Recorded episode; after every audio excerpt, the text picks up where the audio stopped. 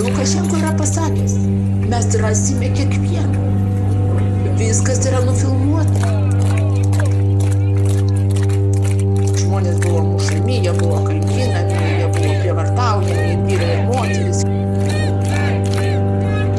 Propagandoje įkalinta Baltarusija.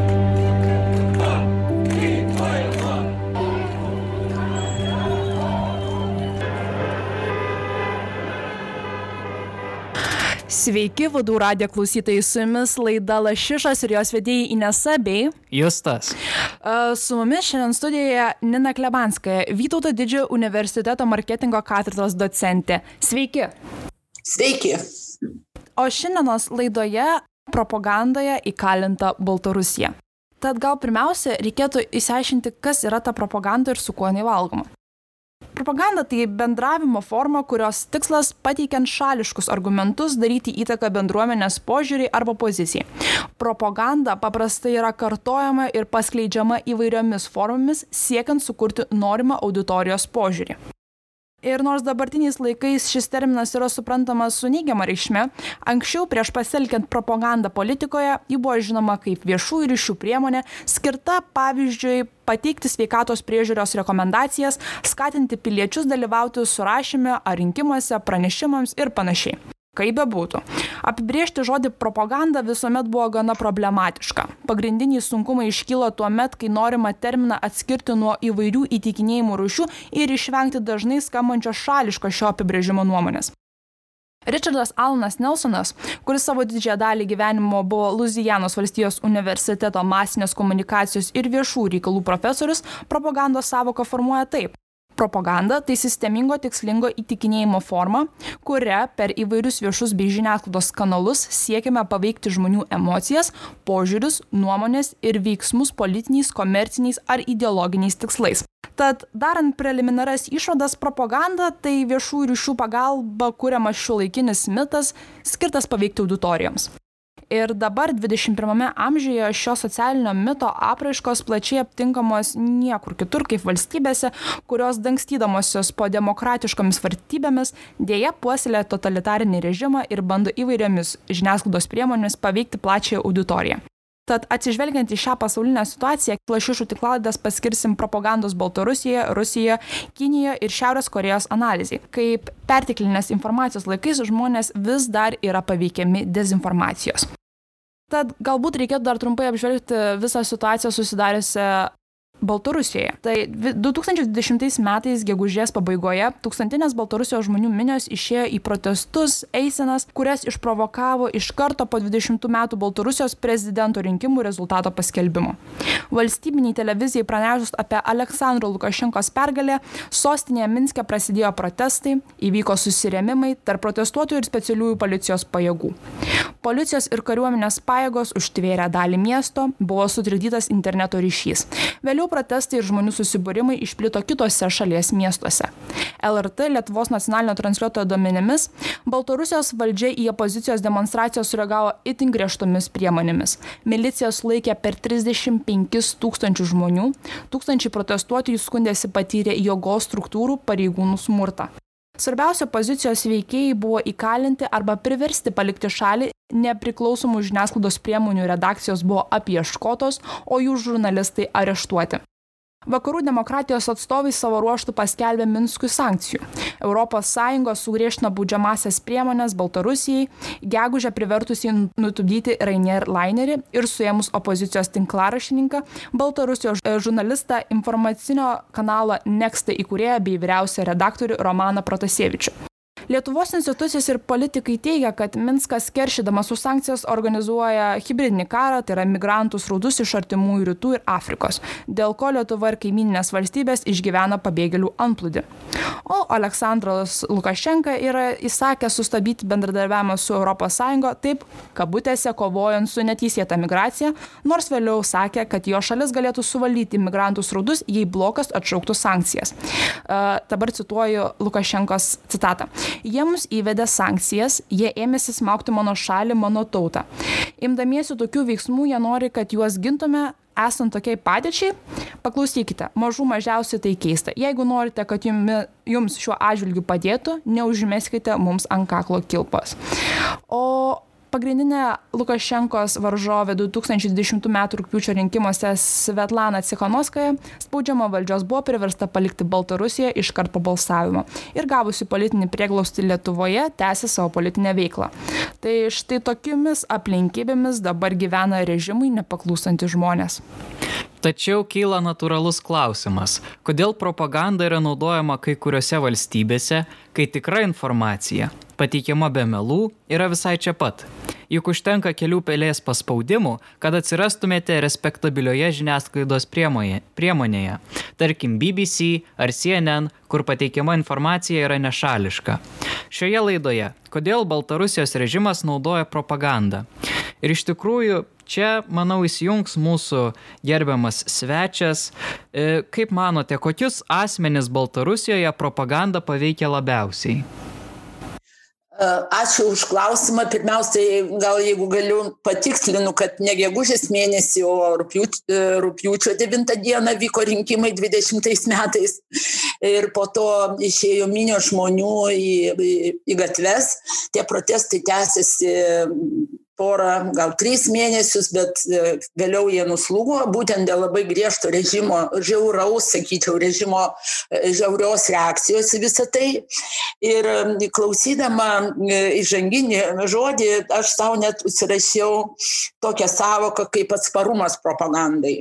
Nes akivaizdu, kad mes gyvename informacijos visuomenėje, kurioje informacijos rautas įvairiais kanalais yra labai didelis.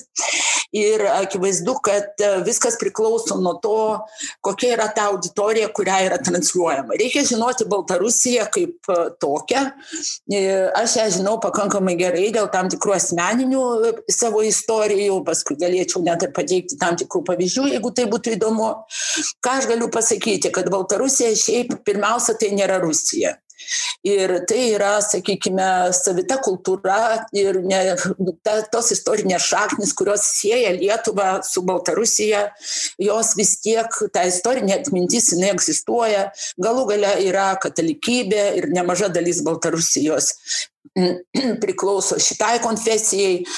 Na ir, ir, ir kiti dalykai. Galų galę mes kaimynai ir panašiai. Kitas svarbus aspektas tikriausiai, kad kalbant apie Baltarusiją, kad šalia yra Rusija. Didžiulė taip pat totalitarinė valstybė ir tie totalitarizmo mastai Rusijoje yra žymiai didesni. E, ekonominė situacija Rusijos nėra gera, bet vis dėlto jie turi ant ko, sakykime, iš ko gauti pinigų tai pačiai propagandai vystyti, nes lyginant propagandą Baltarusijoje ir Rusijoje, propaganda Baltarusijoje, nu, būtų, kaip sakykime, dar neužaugęs vaikas, kuris tik tai auga ir mokosi, kaip tą daryti. Baltarusijoje ten yra keli propagandistai, ne, neminėsiu jų pavardžių, jeigu reikėtų pasakyčiau, kurie iš tikrųjų tai, ką jie daro, palyginti to, kas vyksta Baltarusijoje, yra, nu, iš tikrųjų labai žiauru. Bet tada pakalbėkime apie tą auditoriją. Baltarusijoje e, ir dauguma žmonių gyvena ramų e, ir gyveno ramų gyvenimą. Šalis buvo išpuoselėta, sutvarkyta, viskas yra gerai ir labai dažnai buvo lyginama su to, kas vyksta Rusijoje, kur žymiai daugiau yra, sakykime, socialinių, ekonominių problemų. Dažnai bandoma pasakyti, bet, sakykime, kad Lietuva įstojus į Europos Sąjungą prarado tokiu būdu savo nepriklausomybę. Ir ta Baltarusijos nepriklausomybės idėja, jinai yra nuolat e, akcentuojama ir Lukašenkos, ir jo propagandistų kalbose.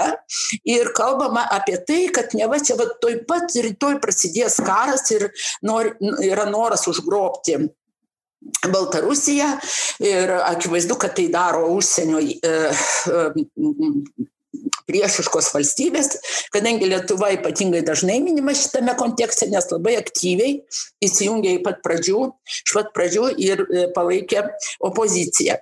Tai aš manyčiau, kad dauguma Baltarusijos žmonių dar gyvena, gyveno bent dabar jau neturbūt iliuzija, kad nu, viskas nėra taip blogai kad pas mus nu, nėra kažkokių konfliktų, sakykime, nacionalinių, kažkokių etninių, viskas palyginti su kitų pasauliu, jeigu tu tai matai. Buvo piešiamas toksai paveikslas, sakykime taip. Nepaisant to, kad Baltarusijoje yra labai aukštai išvystytas IT sektorius, dauguma žmonių galimybės naudoti įvairiais kanalais, jūs paminėjote Nekstą, bet yra toks Malanka medija, labai įdomus kanalas, galų gale apie Baltarusiją nuolat kalba вот, дождь yra, настоящее время yra tokie, sakykime, Rusijoje, jų dienotvarkė turbūt gal jeigu ne du trečdalius laiko, bet pusę bent skiriama Baltarusijai. Taigi, iš tikrųjų, kaip ir buvo pasakyta, kad nu, paspausk mygtuką ir tu iš karto pateksi į kitą visiškai informacinį lauką, kuriame tu galėsi gauti tam tikros kitos informacijos. Bet dauguma Baltarusijos žmonių to nedaro būtent ne dėl to, kad nėra prieinamumo. Jis yra, bet, nu, sakykime, galbūt nėra tokios tradicijos, galbūt, sakykime, kitas labai yra svarbus veiksnys, mes kažkaip apie tai negalvojame. Mes dabar gyvename kaip, nu, jeigu ne COVID, tai jeigu aš rytoj noriu skristi Paryžių, aš atsėdu ir skrendu, aš turiu pinigų, aš rytoj galiu skristi. Ir jeigu aš žinau kalbą, man niekas nereikalingas, jokios agentūros, nieko. Baltarusijoje taip nėra. Baltarusijos žmonės bet kur važiuodami turi gauti vizas. Mes dabar apie tai pamiršom, bet kaip sako, geriau šimtą, vieną kartą pamatyti, negu šimtą kartų išgirsti. Nes tai, ką daro propaganda ir jeigu žmonės negali nuvažiuoti ir pamatyti, Lietuva vaizduojama kaip kraštas, kuris turi labai didelių problemų - socialinių, ekonominių problemų ir taip toliau. Taip. Žinoma, labai daug baltarusių turi tas vizas ir, ir gauna tas vizas ypatingai dabar, bet didžioji masė žmonių e, yra, na, sakykime, nėra aktyvų socialinių tinklų vartotojai. Jeigu jie to nedaro, akivaizdu, kad jie nu, tos informacijos ir negauna. Kitas yra labai svarbus. Baltarusijoje, kalbant apie totalitarinį režimą, yra tokia, na, sakykime, labai aiški vertikali ašis. Nuo viršaus į apačią. Žmonės, kurie toje piramidėje, kur viršui sėdi, nežinau, net nenorėčiau jokių epitetų naudoti, tie būnėti epitetai mano galvoje, Aleksandras Lukašenko, neišrinktas prezidentas, taip, ir jo nepripažįsta praktiškai ne viena šalis pasaulyje išskyrus kelias, visi žmonės yra įbauginti. Ir manoma, kad jie yra įbauginti dėl to tie, kurie artimi jam, kad visi vienaip ar kitaip, nes Lukašenko yra nuo 94 metų, mes dabar tik pradėjom domėtis, bet jeigu pasidomėti ankstesnę situaciją, uh, jo yra žmonių dingus, yra jo oponentų, kurie yra nužudyti. Aš turiu tikrus faktus. Aš žinau, kaip buvo pasielgta po rinkimų 2010 metais. Ar galėtume duoti kokį nors pavyzdį, kaip buvo pasielgta, jeigu tai leidžiam? 2000, nu vienas iš tokių, sakykime, 2010 metais įvyko rinkimai, buvo rinkimai ne iš vieno kandidato, buvo Statkievičius, buvo Nekleivas, poetas, už jo stovėjo tokia, nu, ne partija, vadinkim, organizacija, Gavari Pravdo arba Kalbėk tiesą, taip išvertus. Nu ir buvo Lukašenko. Taip. Ir buvo dar pora gal tokių, taip kaip mes vadiname, spoileriai. Nu, tiesiog tam, kad jie būtų. Nežinau, kaip išversti lietuvių kalbą, bet kas polidologai turbūt supranta, kas tai yra. Kodėl aš kalbu apie kaip asmeninę patirtį? 2010 metais mano sesuo, kuri dabar yra amžinatilsi, polidologė pagal įsilavinimą ir Europos humanitarinio universiteto docentė, Jis gimus saugus Lietuvoje, bet taip susiklosti gyvenimas, kad išvažiavo į Baltarusiją ir dirbo dėstytoja. Ji dalyvavo rinkimų kampanijoje kaip pagrindinis ideologas Neklejevo komandoje. 2010. 2011 metais jinai mirė. Jinai mirė dėl to, kad jinai turėjo lygą, rimtą lygą, inkstų nepakankamumas, kadangi pas ją du kartus namuose buvo atlikta krata, po kratos atimama visa technika, kompiuteriai, jeigu randa pinigų, išneša visus pinigus. Jis buvo kviečiama į KGB, Baltarusijoje taip ir toliau vadinasi. Taip, ir 2011 mm, metais jinai mirė ligoniai, todėl kad jai nebuvo suteikta pagalba, kurią reikėjo suteikti. Nu, pažiūrėjau, su ją susidarojo va taip. Jei tiesiog netliko tų procedūrų, be kurių negali gyventi žmogus, kuris turi inkstų nepakankamumą, nesigilinant į medicininius terminus. Nekleivas ir Statkevičius pateko į kalėjimą iš karto. Ir kiti kandidatai 20 e, metais per rinkimus. Tik Statkevičius neparašė malonės prašymo ir neatsiprašė Lukašenkos. Ir jisai įkalintas iki dabar. O Neklejevas ir kiti, kurie dalyvavo, parašė malonės prašymus ir juos paleido. Bet 2010 metais situacija kardinaliai skiriasi nuo dabartinės Dėl to uh, yra toks, nu, dar sakykime, vienas faktas. Pavel Šeremet. Jis buvo nužudytas Ukrainoje. Tai buvo labai aktyvus žurnalistas Baltarusijoje.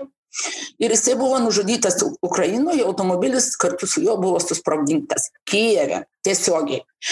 Jeigu dabar norit, sakykime, Baltarusijos, neprisimenu pavardės to žmogaus Ukrainoje, yra įsteigta tokia, na, vadinkime, Baltarusių visuomeninė organizacija, e, būtent, vadinkim, tremtyje, kuriai vadovavo žmogus, kurį rado pasikorusi neva, o greičiausiai pakartą, prieš porą mėnesių miške.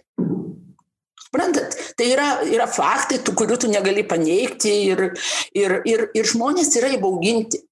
Ir tie, kurie sėdi šalia jo, jie visi vienai par kitaip yra įtraukti į visus tuos jo reikaliukus, vadinkime taip. Ir visi jie praktiškai bijo dėl to, kad ko gero viskas tai yra dokumentuota. Ir žinot, kas yra kompromatas, kas yra šantažas ir kuo tas gali baigtis. Taip kad tai yra totalitarinė valstybė pačia, sakykime, griniausia jos forma pačia griniausia jos forma. O jeigu dar, sakykime, įvertinti tai, kad Lukašenkos veiksmai yra labai sunkiai prognozuojami dėl jos psichinės sveikatos, taip, tai apskritai jo aplinkos žmonės nu, yra kaip ir dezorientuoti.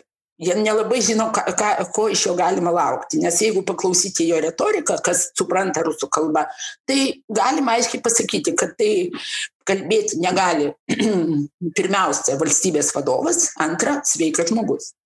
Tai va, taip kad aš, bet kas dar lyginant trupai labai 2010 metais socialiniai tinklai nebuvo taip išvystyti, kaip jie yra išvystyti dabar.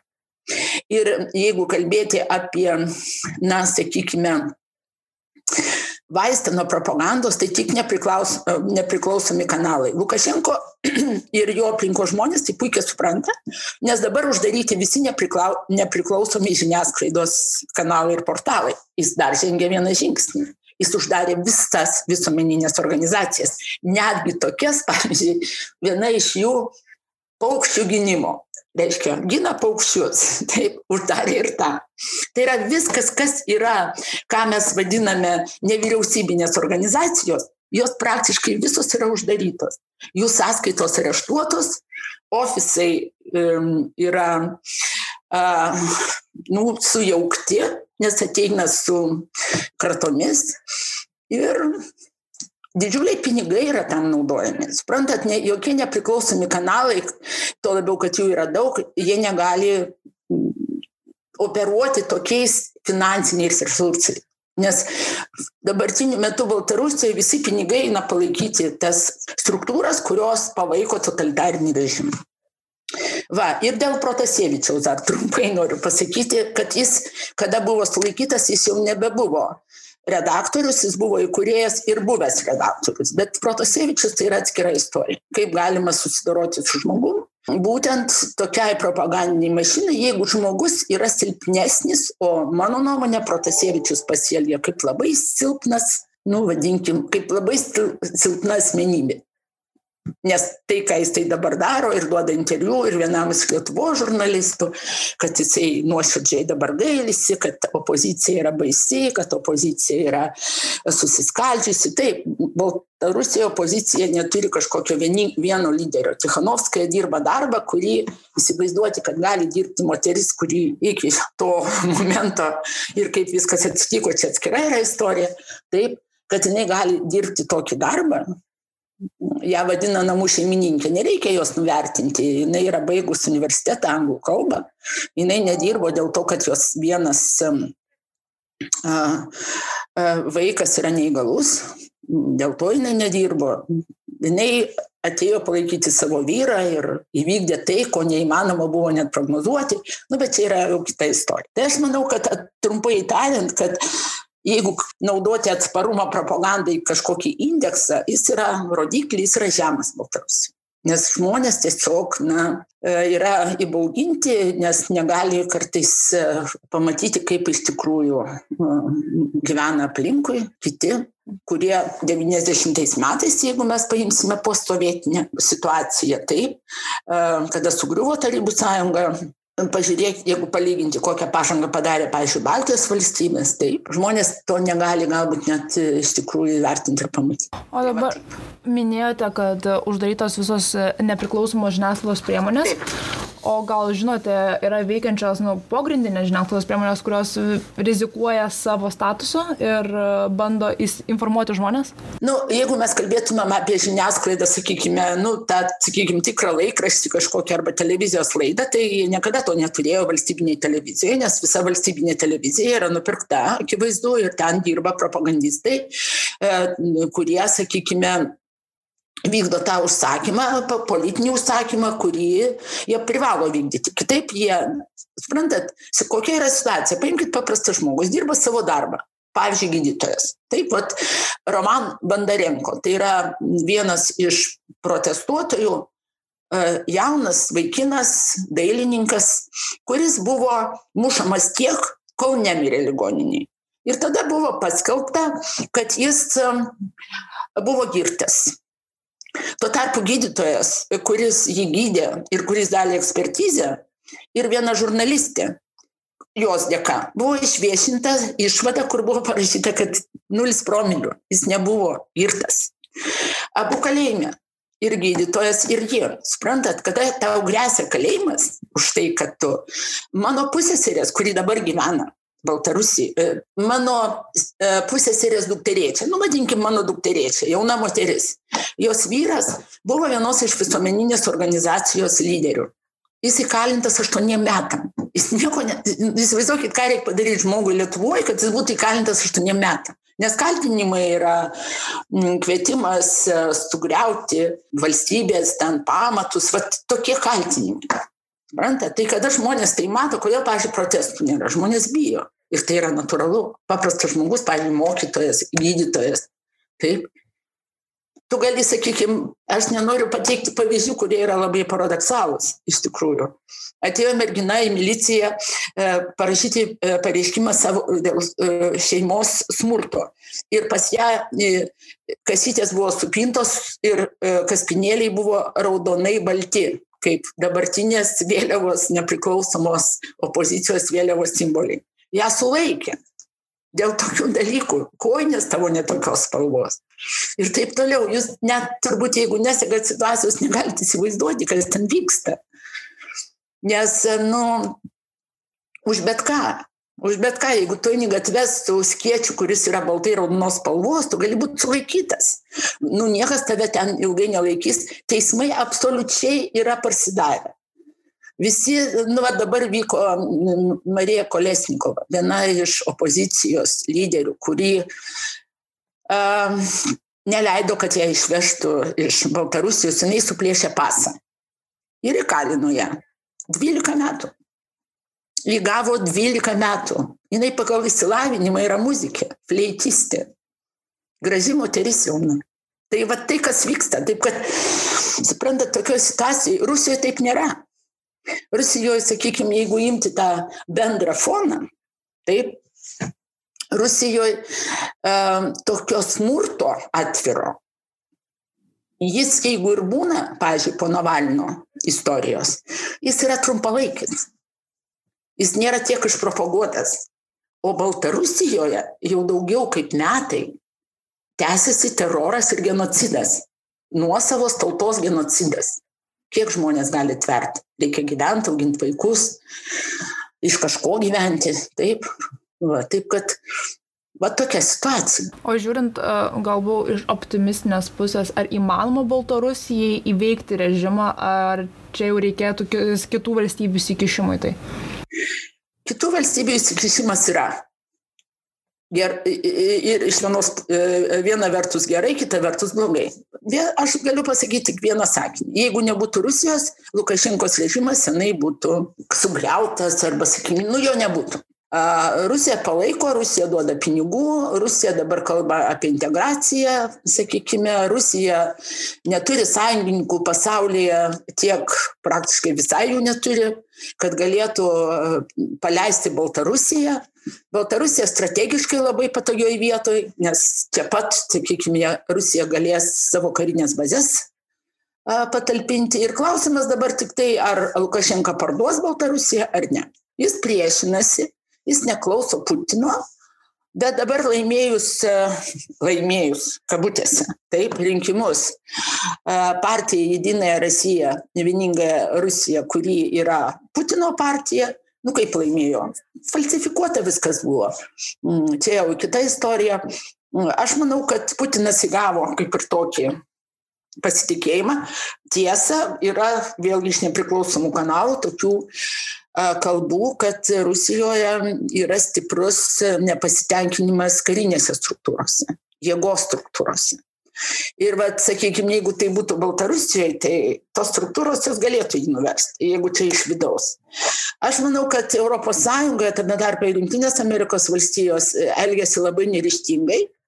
Tai yra mano nuomonė ir visos tos sankcijos yra tokios, na, sakykim, jos veikia, dabar yra kalbama apie penktą paketą.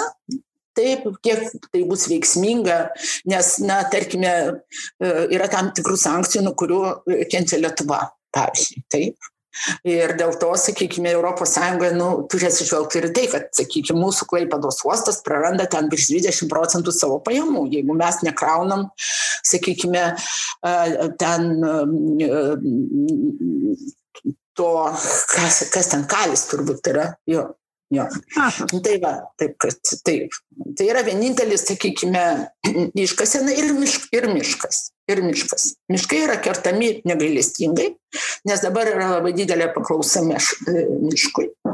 Nu ir, sakykime, dar yra Kinė, kuri elgesi kaip ir visada rytų e, kultūroje, elgesi labai atsargiai jie tokia dabar, sakykime, galbūt išlaiko stebėtojo poziciją. Jiems Baltarusija irgi buvo labai patogi, kaip, sakykime, logistikos centras, kaip, sakykime, vieta Europoje, kur jie gali toliau, sakykime, veikti. Bet dabar jie pristabdė visas savo investicijas, e, nekalba, kad e, daug nekalba ir sankcijų netaiko ir jų poziciją aš įvardinčiau kaip e, laukimo. Palauksim, pažiūrėsim, kas bus. Nu, tai yra rytų kultūrai tokia, sakykime, būdinga pozicija. Iš kitos pusės Rusija, kuri e, nekenčia Lukašenko Putinas, jis jo nekenčia, nes šiaip koks jis bebūtų Putinas, vis tiek, nu, tu matai, su kuo tu turi reikalų, bet jis jam svarbus, sakykime, Baltarusiją išlaikyti dėl to. Aš, pavyzdžiui, nu, Pradžioje aš labai optimistiškai žiūrėjau, dabar aš pradedu prarasti po truputį optimizmą dėl galimybės pasikeisti režimui. Bet, nu, nemanau, kad tai yra mėnesių klausimas, bet taip ilgai e, būti negali, nes situacija ekonominė prasta viduje. Socialinės programos nevykdomos, pensijos yra labai mažos, pajamos labai mažos, žmonės vos išgyvena. Tai galbūt tas galėtų Bet be vakarų įsikišimo aš nemanau, kad galima būtų kažką pakeisti. Na, kaip jūs minėjot, daugelis žmonių, be ne visi, yra įbauginti. Ir kai kurie teigia, kad yra stebimi ištisą parą, o dažnai filmuojami. Politikų ir žurnalistų telefonai yra su blakėmis, taip klausomasi jų pokalbių. Visas žurnalistikos darbas yra imitacija. Viskas, kas siejama su šalies problemomis, pateikiama kaip korupcijos žala. Pasak nepriklausomų žurnalistų, Baltarusijoje žiniasklaidos laisvė yra žemiausia Europos žemynė. Situacija yra net blogesnė už kaimininę Rusiją. Žurnalistas Dzianis Daskevič turi nepriklausomą portalą Rogačev Online, Rogačevo mieste gyvenantis žurnalistas. Jis domisi eilinėmis miestiečių problemomis, pavyzdžiui, kodėl centrinis parkas dar nėra baigtas statyti. Vyras atlieka tyrimus rimtai, renka informaciją. Tarkim apie minėtą parką. Pasak oficialių duomenų, jam skirta buvo 600 tūkstančių dolerių. Pasak žurnalisto darbo nėra ne atlikta net už 1000 dolerių. Pasak piliečių buvo suvežtos konstrukcijos, iškrautos, o tada staiga viskas buvo sukrauta į kažkokius sandėlius. Tikima, kad visi tie pinigai buvo pragerti ir pravalgyti. Kas liko - pavokta. Reportažo viduryje atvyko oficialių asmenų mašinų konvojus ir buvo klausima, ką čia veikia Dzenis, ką filmuoja ir kodėl. Pasak Daskevič, šie asmenys tikėtinai jį sekė.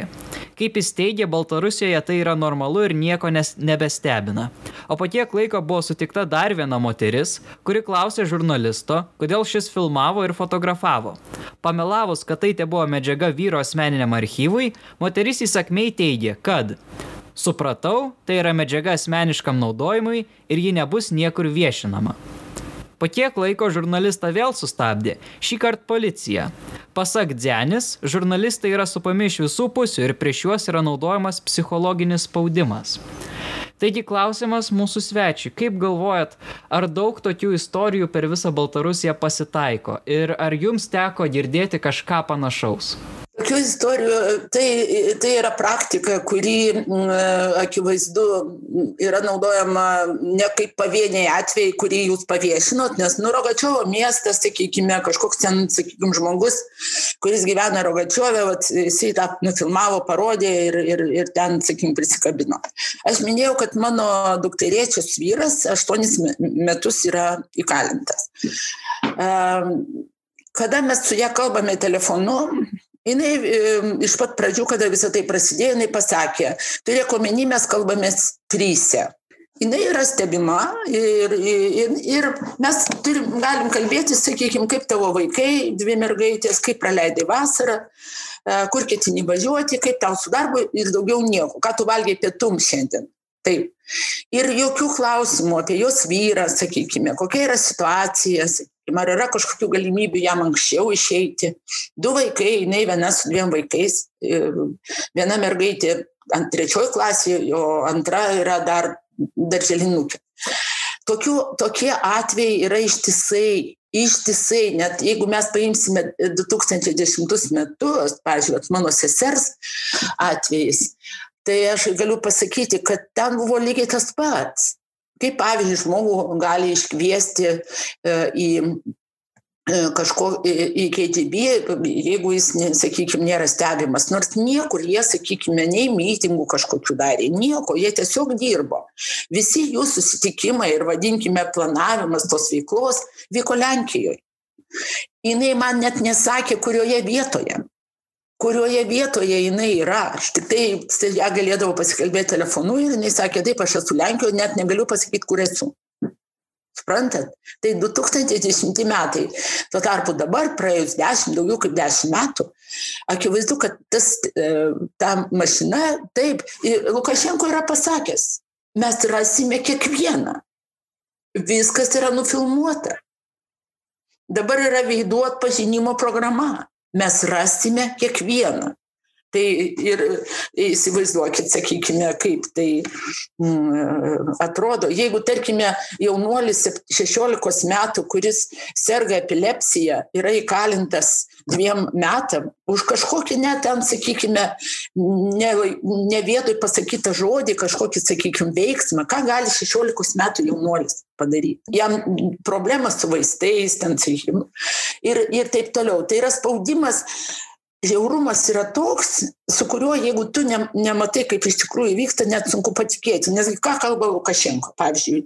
Po to, kai mm, jisgi, nežinau, ar žinot tą faktą, prieš porą savaičių turbūt buvo jo spaudos konferencija.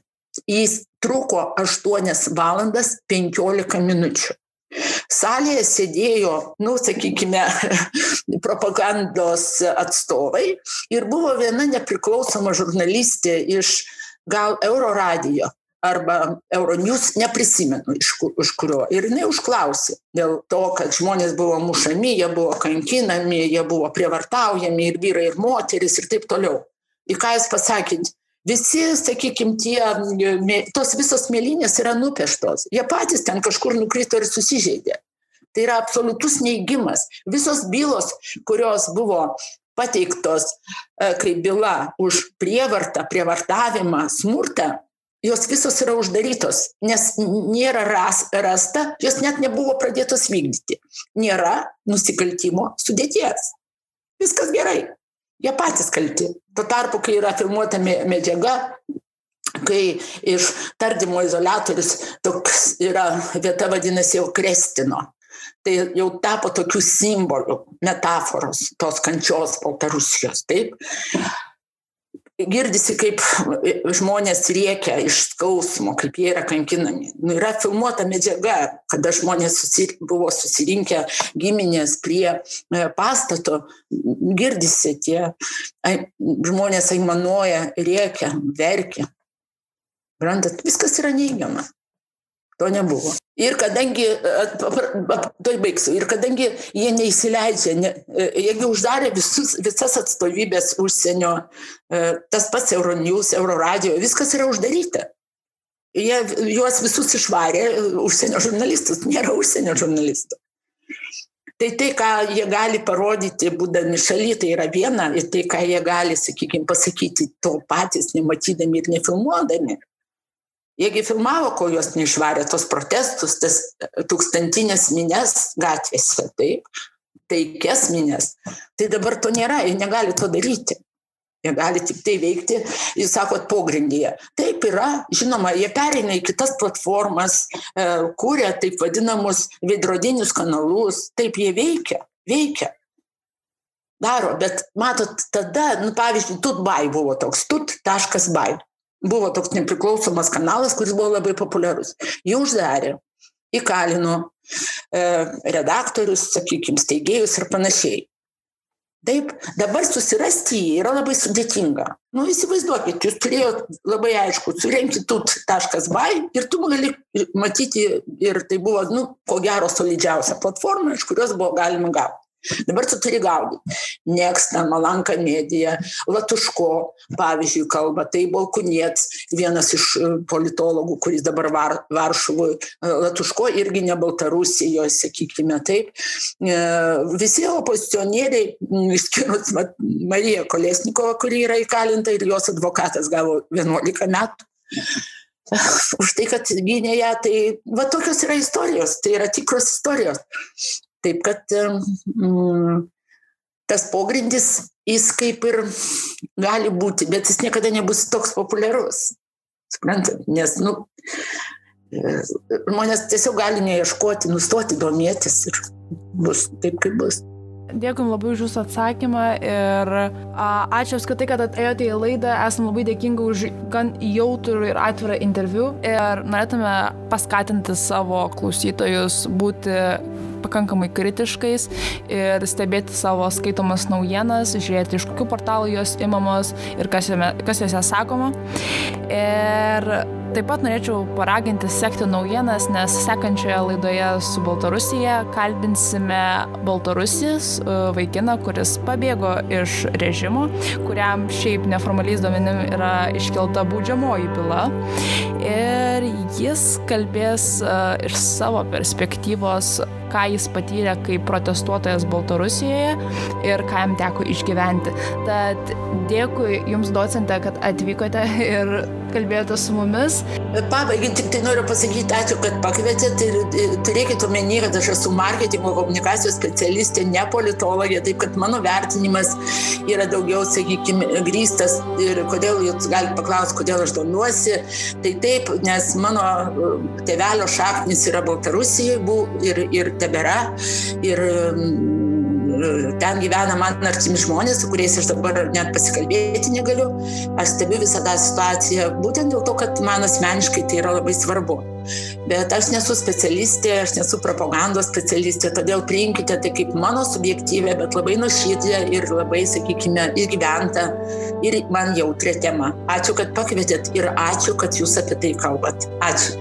Ačiū Jums labai. Tai dėkui mūsų klausytėms, kad klausėt laidos ir iki kitų susitikimų. Viso, Viso geriausio. Viso gero.